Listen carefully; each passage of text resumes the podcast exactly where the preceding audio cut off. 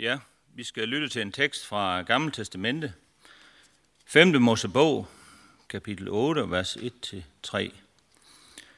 Og overskriften lyder sådan her. Advarsel mod at glemme Herren. Alt det, jeg i dag befaler dig, skal I omhyggeligt gøre, for at I må leve og blive talrige, og komme ind og tage det land i besiddelse, som Herren lovede jeres fædre. Husk, hvordan Herren din Gud nu i 40 år har ladet dig vandre i ørkenen, for at ydmyge dig og sætte dig på prøve, så han kunne få at vide, om du har i sinde at holde hans befalinger eller ej. Han ydmygede dig og lod dig sulte og gav dig manna at spise, som hverken du eller dine fædre kendte. For at lade dig vide, at mennesket ikke lever af brød alene, men af alt, hvad der udgår af Herrens mund.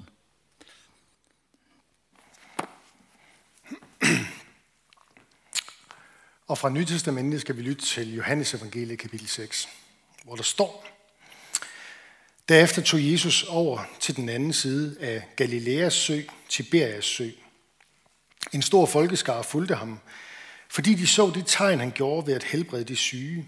Men Jesus gik op på bjerget, og der satte han sig sammen med sine disciple. Påsken, jødernes fest, var nær. Da Jesus løftede blikket og så, at en stor skare kom hen imod ham, sagde han til Filip, hvor skal vi købe brød, så disse folk kan få noget at spise?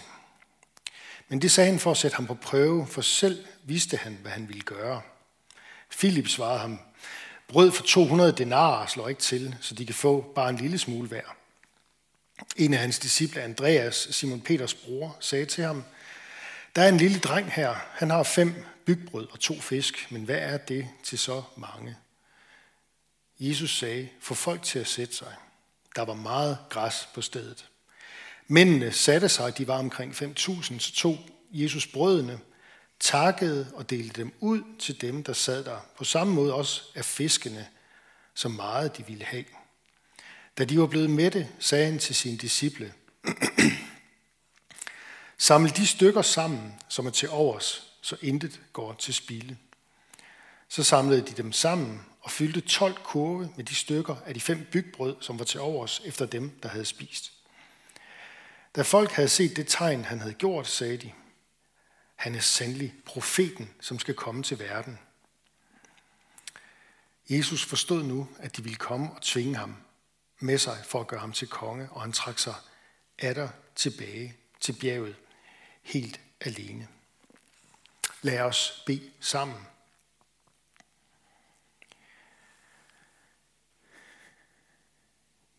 Jesus, vi beder også om, at du vil komme til os nu og velsigne os med dine gaver, ligesom du gjorde det dengang. Hvor du kan tage det, der ser småt, og det, som ikke ser ud af noget, og så gør det til velsignelse for os og for andre mennesker. Amen. Vi øh, står i dag over for et øh, under. Vi står over for miraklet. Og øh, det, kan man, øh, det kan man gå til på forskellige vis. Der er mange mennesker, der har afvist, at det overhovedet er sket i virkeligheden. Der er også nogen, der har, der har prøvet at for, forklare det. Det er nok nærmere at bortforklare det på den måde, at da de så begynder at dele de her brød ud, så er det folk, de ligesom tænker, så må jeg også hellere lige åbne skjorten og så tage den madpakke med, jeg alligevel havde med hjemmefra. Og så bliver det sådan ligesom på den måde. Men det er jo ikke det, som Johannes fortæller os her i dag. Han fortæller os, at det her det er et under, det er et mirakel, og han bruger, eller han bruger sådan set et andet ord. Han taler om, at det er et tegn, da folk havde set det tegn, Jesus havde gjort. Det er et tegn, der altså peger hen på noget andet. Og det her tegn, øh, det her under, det peger først og fremmest tilbage til dengang Gud skabte i begyndelsen. Og så peger det også fremad imod det, det der skal ske med Jesus i påsken. Det peger tilbage i den forstand, øhm, at da Gud skabte jorden, der gjorde han den ved at, der, der skabte han det hele ved at tale det øh, til live. Og det første Gud sagde på den første dag, det er, at han sagde, der skal, være, der skal blive lys. Og så bliver der lys. Og det er sådan set det, Jesus også gør her i dag. Han siger, der skal være brød til de her mennesker. Og så bliver der brød. Fordi han er netop Gud. Han er den, der er til stede også ved skabelsen. Han er Guds skaberord. Han er den, ved hvem Gud har skabt verden. Ham, som sagde, der skal blive lys, han siger i dag, der skal være brød. Der skal være mad. På den måde er der en sammenhæng mellem det, der skete helt i begyndelsen, da Gud skabte os, og så det Jesus han gør, det her under, det tegn han gør i dag. Det er henter sin kraft fra, da Gud skabte i begyndelsen, første gang, men det peger også fremad imod påsken, som vi er på vej til. Hvor langfredag, da Jesus hænger på korset, så siger han forskellige ord, men skal vi blive i det her, der skal blive lys, der skal være brød. Så det, der sker langfredag, det er sådan set, at Gud siger, Jesus siger, der skal være befrielse fra synd. Og så tre dage senere, påskedag, der siger Gud til ham, som ligger, sin søn, der ligger død inde i graven, siger Gud, der skal være liv. Lys, brød, befrielse, liv. Det er Gud, der står bag det her fantastiske under og tegn, der viser, at Jesus han er den helt centrale skikkelse i alt det, der har med kristendom og Gud og Bibelen at gøre. Hvis du vil forstå det, så start med Jesus, fordi han er ligesom den, det hele drejer sig omkring. Det her under, det er et øh, glimt af Guds øh, kærlighed og Guds kraft til at skabe, og Guds vilje til at velsigne mennesker, hans gavmildhed.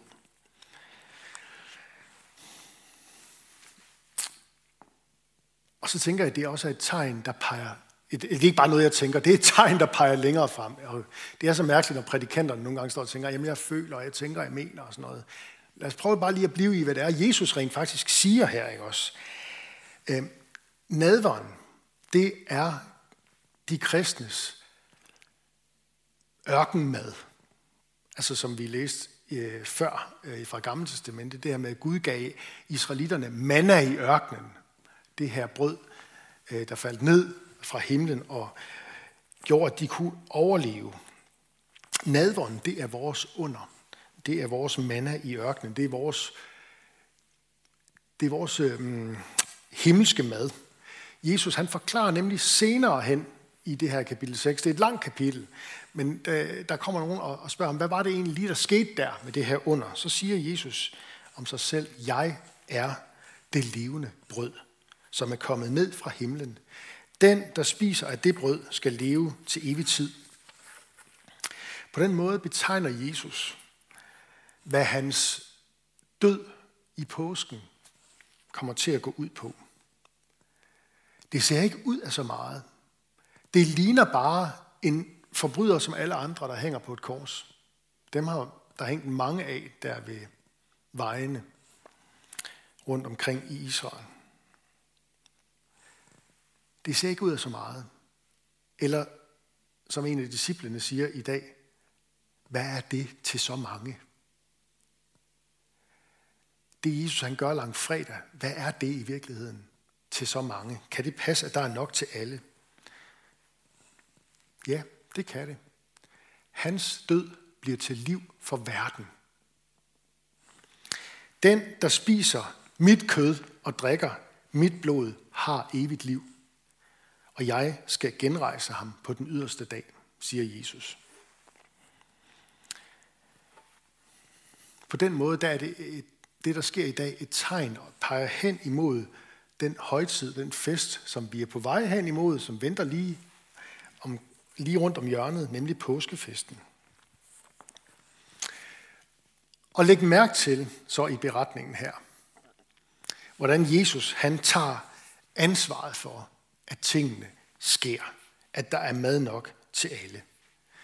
Det har jo mindet Israels folk. Der var en stor skare af Israels folk til stede der.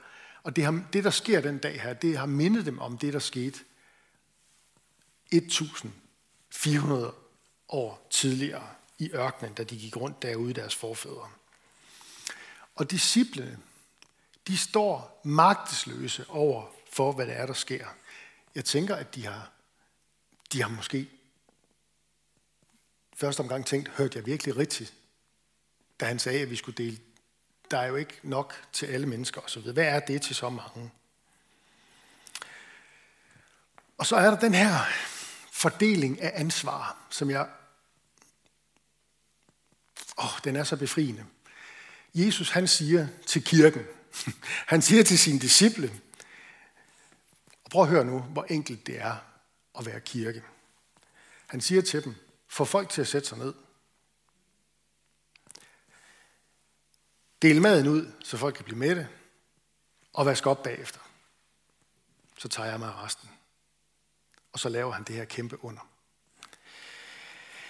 Um, forleden der havde jeg et uh, online møde med vores forbedere her i kirken. Uh, og der delte vi sådan en, uh, til indledning en opmundring hver især, som, vi har, som, vi, som vi har mødt undervejs her under coronaen. Og der var en, der øh, havde reflekteret og tænkt over det her med, øh, hvem, hvem bærer egentlig hvem i forhold til Gud. Og øh, der var en sætning der, som øh, havde bidt sig fast. Der var en, der havde sagt til hende, at Gud ønsker ikke at gøre dig stærk, men han ønsker at være din styrke. Og det er to meget forskellige ting. Gud ønsker ikke at gøre dig stærk, men han ønsker at være din styrke. Også når du oplever afmagt og ikke selv slår til. For det var jo ikke disciplene, der slog til. Det er jo ikke disciplene, fordi nu har de været sammen med Jesus i så og så mange måneder, nu kan de noget selv. Det er helt almindelige dagligdags opgaver, han giver os som kirke og som kristne, for at være en taknemmelig kirke i mission. Men ansvaret for, at der sker noget i menneskers hjerter, ansvaret for, at vi bliver fastholdt i tro på ham, at vi vokser i tro på ham, ansvaret for, at der er mennesker, som er helt kirkeløse, som ikke har hørt om Jesus, at de kommer til tro. Det ligger først og fremmest hos Gud. Gud han ønsker ikke at gøre sin menighed stærk, men han ønsker at være vores styrke. Det er en værdifuld indsigt at få, fordi hos ham, der er der visdom, hos ham, der er der kræfter, hos ham, der er der en indsigt. Tænk igen på øh, påsken, som vi er på vej imod. Disciplerne, de svigtede. Jesus, han var deres styrke. De havde fulgt ham i tre år, men da det virkelig galt, så forsvandt de som duk for solen. Så stod de ikke ligesom på mål for, hvad det var, der skulle ske. Så kunne de ikke mere. Men Jesus, han var deres styrke. Han gik ind i den, han gik den vej øh, hen mod korset som ikke så ud af meget. Hvad er det til så mange? Det er faktisk liv og død for enhver, som tror. Så er der flere vinkler i det, som sker den her forårsdag i ved Genesrets sø i Galilea, som vi kan glæde os over. Øh, vi skal ikke fortabe os voldsomt meget i det. Der har allerede været en, en rigtig, rigtig fin gennemgang af børnekirken øh, her. Men, men jeg tænker ligesom, at den her dreng, der oplever, at det lidt, han har, det kan Gud velsigne. Det har der været en helt fantastisk børnekirke den dag, for ham i hvert fald. Den du er, og det du bærer med dig, det kan blive til velsignelse for andre. Også selvom du overhovedet ikke havde skænket det en tanke, da du stod op i morges. Det synes jeg, der er Guds velsignelse ind i vores liv. Og på samme måde med disciplene, der oplevede, at Jesus brugte det, som de ikke troede ville række til noget. Nogle gange så får Gud tingene til at ske fuldstændig bag om ryggen på os. Også bag om ryggen på os som menighed. Gud ønsker ikke at gøre dig stærk, men han ønsker at være din styrke. Din styrke og din lovsang. Herren er min styrke og min lovsang, som der står et sted i Gamle Testamentet. Og det er utrolig øh, befriende at indse. Og, og det er befriende at indse, den, øh, at der er den her grænsedragning imellem, hvad er det, Gud kalder mig til, og hvad er det så, der er Guds ansvar? Hvad er mit ansvar her i livet, og hvad er Guds ansvar, når jeg nu tror på ham? Coronakrisen, den har jo medført en voldsom følelse af afmagt hos os alle sammen. Og jeg tror, den har mindet os om, og det er ikke bare noget, jeg tror, den har mindet os om, hvor lidt der skal til, før hele verden mister fodfæstet. Og farer sådan lidt rundt, ligesom sådan en forvirret hønsegård. Hvad skal vi lige gøre? Vores tro på os selv og vores egen formåen har vaklet. Nu er der så vacciner på vej, så nu er vi ved ligesom at tro på, at vi kan godt, og så videre, og så videre. Men lad os nu se. Der skal i hvert fald, altså det sidste år har i hvert fald vist, at der skal ikke så meget til, før at, øh, før at verden vakler. For jorden, den vakler lidt under os. Det kan også være på det helt personlige plan. Det kan være, øh, at du kender til det med at blive ramt af en sygdom, eller har været ude for et uheld. Eller mere neutralt, at du har øh, haft en uventet samtale, men noget, som har ført til øh, et nyt perspektiv. Noget, der har ændret noget i dit liv for dig. Øh, uden, at du, uden at du egentlig bad om det, uden du har set det komme. På et dybere plan, der er vi alle sammen blevet mindet om, at vi lever ikke i kraft af os selv. Der er større kræfter på spil. Og vi kristne, vi ved, at det er ham, som i begyndelsen sagde, der skal være lys. Og som senere sagde, der skal være brød. Der skal være liv. Der skal være tilgivelse. Vi skal stole på Guds velsignelse i vores liv. Og så skal vi planlægge. Lad os bare planlægge på livet løs. Vi skal ikke stå til og være uansvarlige, heller ikke som kirke og sådan noget. Lad os bare lægge nogle planer. Men vi skal ikke være en kirke af den slags. Eller vi skal ikke være menighed på den måde, at Guds magt og Guds kraft, ja ja, det kan vi da godt bruge. Men den behøves vel ikke rigtigt, fordi vi er så gode til at lægge planer. vi skal finde grænsen mellem vores egen magt og så Guds magt. Der er noget, jeg har ansvar for. Og så er der noget, der er sundt for mig at være bevidst om, at det her, det har Gud ansvar for. Lidt ligesom den gravide kvinde, ikke også? Du er blevet gravid, men ansvaret for, om du føder et sundt og rask barn, hmm. der, er du, øh, der er selvfølgelig nogle kostråd og noget, du kan følge osv. osv. Men i sidste ende, der beror det også på Guds velsignelse. Der er noget, du er løst fra at have magt over. Det er ikke dig, der skaber det barn der.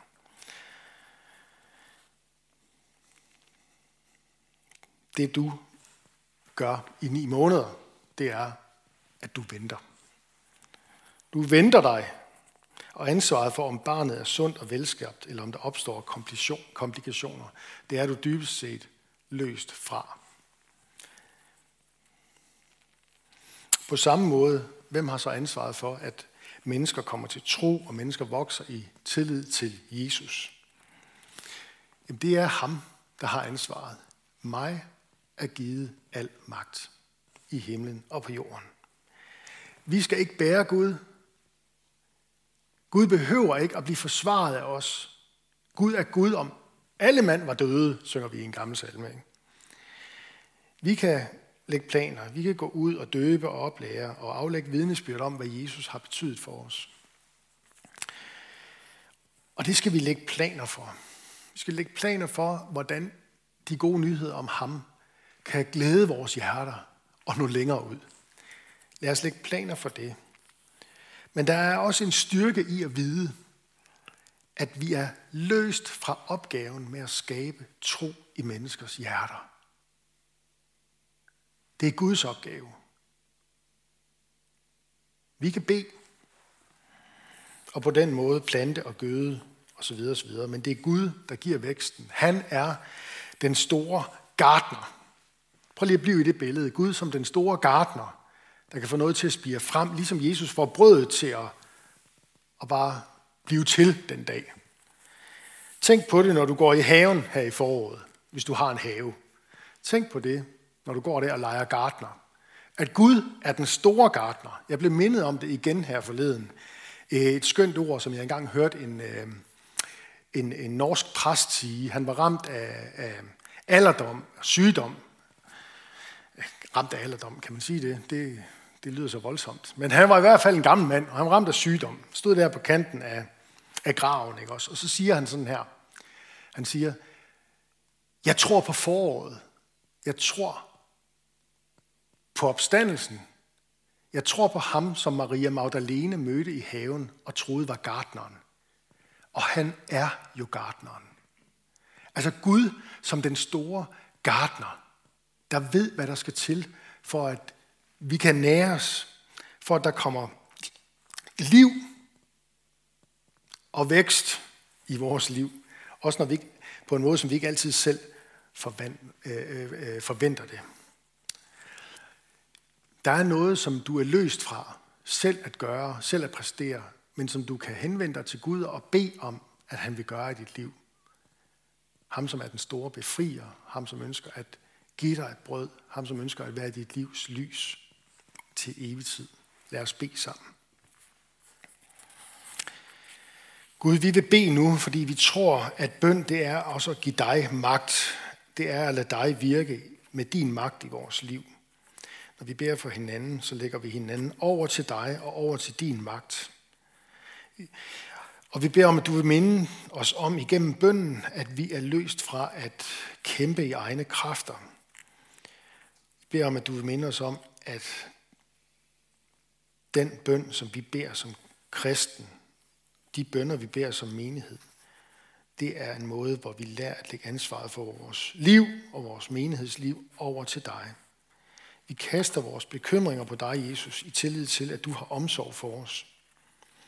Vi takker dig for det kristne fællesskab, også for en dag, øh, på en dag som i dag, hvor vi er forhindret i at mødes ansigt til ansigt. Lær os at sætte os selv til side til fordel for vores næste. Lær os at elske vores søster og bror. Og lær os at række ud efter kraften i dit ord. Vi beder for den kommende generation, både de ufødte, de nyfødte, børnene og de, og de unge. Beskærm du dem og lad dem få lov at vokse op i tro på dig. Vi beder for skærn by og omegn, for familie, venner, naboer og kolleger. For alle, som er særlig ramt af det her forsamlingsforbud, for alle, som savner nærvær og fællesskab, og hvem gør ikke det lige nu i tiden? Vi beder dig om, at du vil øh, give os mod til at være til stede for hinanden på nye måder. Giv os visdom til at sikre øh, og sikre hænder øh, til de, som arbejder med at lindre smerten hos de af os, som er syge.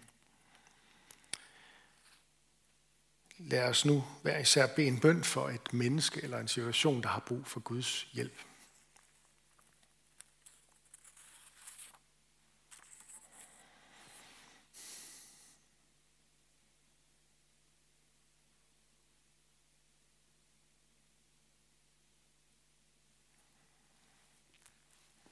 Vi beder for din kirke ud over hele jorden. Lad de kristne vise mod og gøre en forskel for mange i den usikre tid, vi lever i. Vi beder for Danmarks fred, for alle, som arbejder med sundhed, økonomi, i alle de dagligdags opgaver, som vi så let tager for givet. Gud, vi tror, du har skabt os, og at i enhver opgave er der en gave for dig. På arbejdspladsen, i familien, i vores fællesskaber og menigheder – der er du usynligt til stede og giver os vores daglige brød, vores sundhed, vores kald til at elske vores næste, uanset vores livssituation. Vi beder for alle, der er blevet betroet magt og autoritet, hjælp dem og os til at værne hinanden mod uret og vold.